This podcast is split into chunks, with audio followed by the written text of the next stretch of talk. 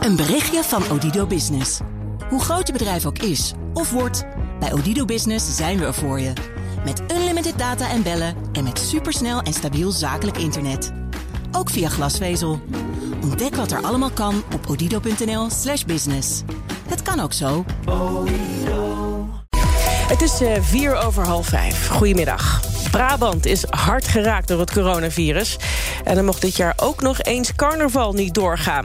Hoe je als burgemeester je stad door zo'n crisis loodt... bespreken we het komende kwartier met Paul de Pla, burgemeester van Breda. Een heel goedemiddag. Goedemiddag. Ik wil met u uh, beginnen bij gisteren. Um, geen avondklok, toen weer wel, toen weer niet, toen weer wel. Het was uh, voor iedereen denk ik een beetje een rommelige dag. Hoe heeft u hem ervaren? Ja, als rommelig.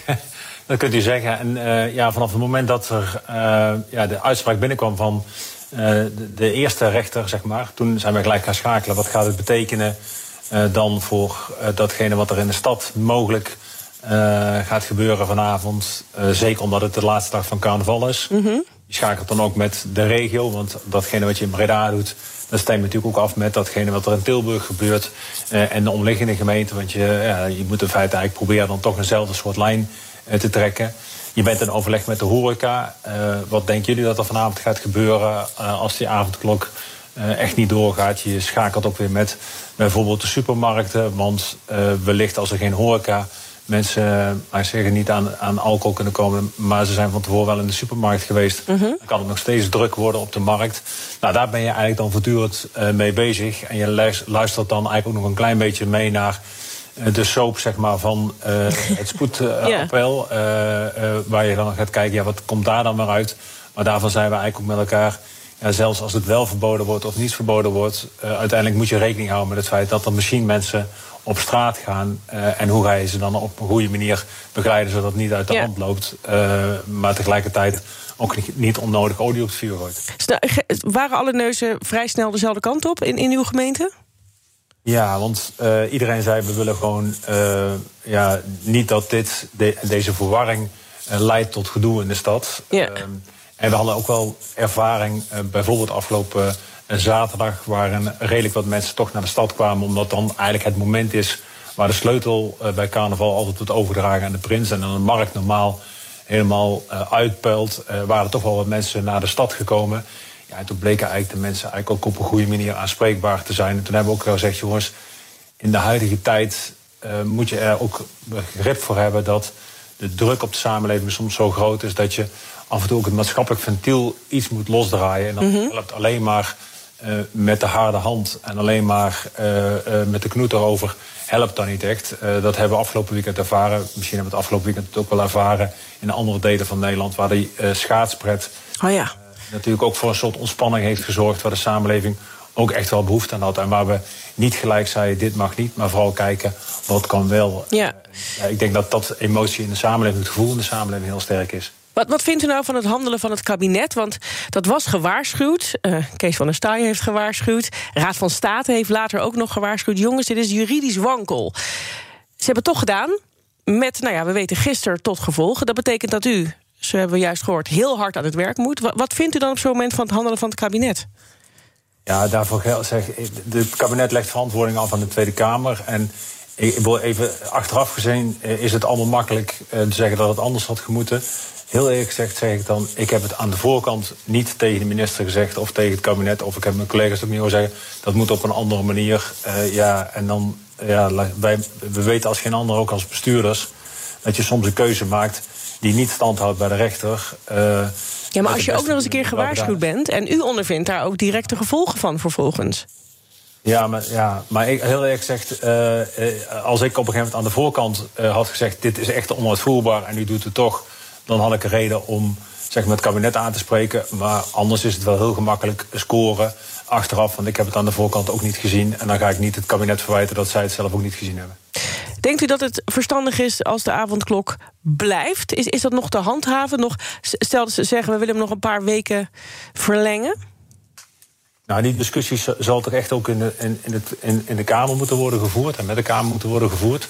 Uh, belangrijk is dat we op een gegeven moment natuurlijk wel zien dat uh, de druk op de samenleving wel toeneemt. Maar ik weet ook bijvoorbeeld één maatregel die voor heel veel mensen misschien nog wel uh, pijnlijker is dan de avondklok, is het feit dat je eigenlijk het dringend advies hebt gehad dat je maar met één iemand thuis uh, mag ontvangen. Mm -hmm. eigenlijk als je gaat kijken naar wat da daarvoor de impact is voor heel veel mensen, ook voor jongeren, is dat natuurlijk enorm groot. Dus yeah. Heeft u de indruk dat, dat mensen zich daaraan houden in uh, uw gemeente, meneer De Pla?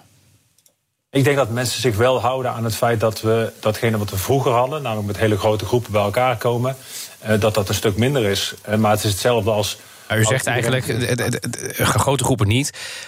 Maar ik krijg soms de indruk dat, dat, dat mensen, hè, dat één iemand zo strikt, dat dat heel lastig gewoon te volgen ja, is. Maar dan helpt, dat, dat begrijp ik, hè, want het betekent soms zelfs dat je moet uitleggen dat uh, van uh, je ouders, uh, precies. maar of je vader of je moeder. Nee, precies, maar, precies dat voorbeeld. Dus die komen wel dus allebei en dan denk je, nou, dan knijp ik een oogje toe. Maar dat, dat, dat, dat gebeurt toch ook in Breda? Dat gebeurt ongetwijfeld ook in Breda. Hetzelfde als wij hier de maximumsnelheid hebben van 100 kilometer op de snelweg. En dat er ook in Breda wel eens mensen zijn. die er wel eens start rijden. 110 kilometer rijden. En het, het, grote voordeel is wel weer, als je, en dat zie je wel weer, hetzelfde even als je die vergelijking met die maximumsnelheid maakt. Als we 120 als maximumsnelheid hebben, rijden een aantal mensen toch weer 125, 130. Als het 100 is, rijden mensen toch weer 105, 110. Dus het effect dat je zegt, kom met minder mensen bij elkaar en één is eigenlijk het maximum, mm -hmm. dat heeft zeker een effect. U vindt het eigenlijk een, een, een, een zwaardere maatregel dan die hele avondklok, als ik u zo hoor? Op dit moment, als ik ervaar even wat ik hoor, de impact van een avondklok, zeker als je erover nadenkt en de, en de emoties die erbij hoort, is mm -hmm. dat enorm groot. Het gevoel dat je opgesloten wordt thuis. Mm -hmm. Maar in de huidige omstandigheden, waar er buiten toch heel weinig te doen is, er zoveel dicht is, mm -hmm. het winter is, uh, dan is in feite eigenlijk de eenpersoons um, uh, advies, want dat is natuurlijk een advies, dringend ja. advies, is eigenlijk voor het maatschappelijk leven en het sociaal leven de eenzaamheid van mensen. En hoort, ik zeg het ook tegen mijn eigen kinderen wel eens. Ja, luister eens jongens, als er geen avondklok is, je mag nog steeds maar met z'n maximaal twee mensen buiten zijn. En je ja. mag nog steeds maar één iemand op bezoek hebben. Dus het idee dat het met het loslaten van de mm -hmm. avondklok er alles weer mogelijk is, ja, dat is natuurlijk eigenlijk ja. wel een klein beetje misverstand. Het avondklok is wel een heel belangrijk symbool. En ik denk dat, we, dat iedereen ook ziet dat die avondklok een symbool is. Zeker ook omdat het kabinet heeft gezegd, met Rutte voorop. Als ik één ding gelijk bij het oud papier wil zetten, is het de avondklok. Dus de avondklok is wel eigenlijk het ergste van het ergste wat ons kan overkomen. Ja. Zo is, heeft het kabinet natuurlijk het ook gepresenteerd. Je luistert naar uh, BNR in de middag. De gast is Paul de Pla, burgemeester van Breda. Ja, en als ik u dus goed begrijp, dan zegt u... ja, wat mij betreft die avondklok verlengen... maar die bezoekregeling er dan af. Dat als eerste wat u betreft. Ik, wat ik vooral zeg, is dat ik... Laat zeggen, uh, ik vooral hoop dat we zo snel door deze crisis heen komen... Uh, met vaccineren. Nee, dat hopen we natuurlijk allemaal. Maar we, we willen ja, hier ook een weg uit en dat gaat stapje voor stapje. Dat gaat, dat gaat niet snel. Ja, dus en, en, er, er zijn nu vragen als: is het eerst de avondklok eraf? Is het eerst de bezoekregeling weer verruimen? Is de eerste middelbare scholen open? Hoe kijkt u daarnaar? Dat, maar er zijn zoveel verschillende factoren. Kijk, ik, ik boor even de middelbare scholen open. Ik denk dat, en dat hè, wat u net ook aangaf in het journaal, wat u net in het journaal kwam, zo ontzettend belangrijk. Het fysiek ontmoeten van jongeren op sportvereniging. Mm -hmm. Het we kunnen sporten met 25 jaar. Zo ontzettend belangrijk. Het hebben van een dagbesteding voor mensen met een psychiatrisch probleem, eenzaamheid. Zo ontzettend belangrijk dat het bijna onmogelijk is om aan een toevallige burgemeester te vragen: ja, wat weegt nou zwaarder? Ik wil dat we op een gegeven moment gewoon goed met elkaar ervoor zorgen dat we. Um, ja, laat ik zeggen, dat, dat, we, dat we niet allemaal gaan balletje balletje spelen... of gaan mm -hmm. bijna een soort, uh, soort uh, lottokaart invullen van... wat moet het uh, eerste komen. En ik wil gewoon ervoor zorgen dat we zo snel mogelijk dat vaccineren. Dat betreft yeah. vind ik dat eigenlijk wel heel erg belangrijk. Yeah. En het tweede, laat dan de deskundigen ook gaan kijken... naar wat de maatschappelijke impact is... om dan vervolgens te gaan kijken, wat is dan het zwaarste? En laten we dan even gaan kijken wat dan het eerst los wordt, kan worden gelaten. En ik heb met alle keuzes kan ik me wel iets bij voorstellen. Want okay. ook ik wil, als het dadelijk 20 graden is weer graag op het terras zitten. Nee, dat snap ik. Maar kijk, u, u, bent natuurlijk burgemeester. U staat dichter bij de burgers dan uh, de mensen in, uh, in het kabinet op dit moment. Die zijn natuurlijk heel hard aan het, aan het werk in Den Haag. Dus u kunt ook veel beter inschatten... wat hebben die mensen nou nodig, zou je kunnen zeggen. Uh, heeft u het gevoel dat u lokaal nog genoeg maatwerk kunt leveren? Want alles wordt nu gedicteerd vanuit Den Haag. En dat heeft dus directe impact op uw burgers.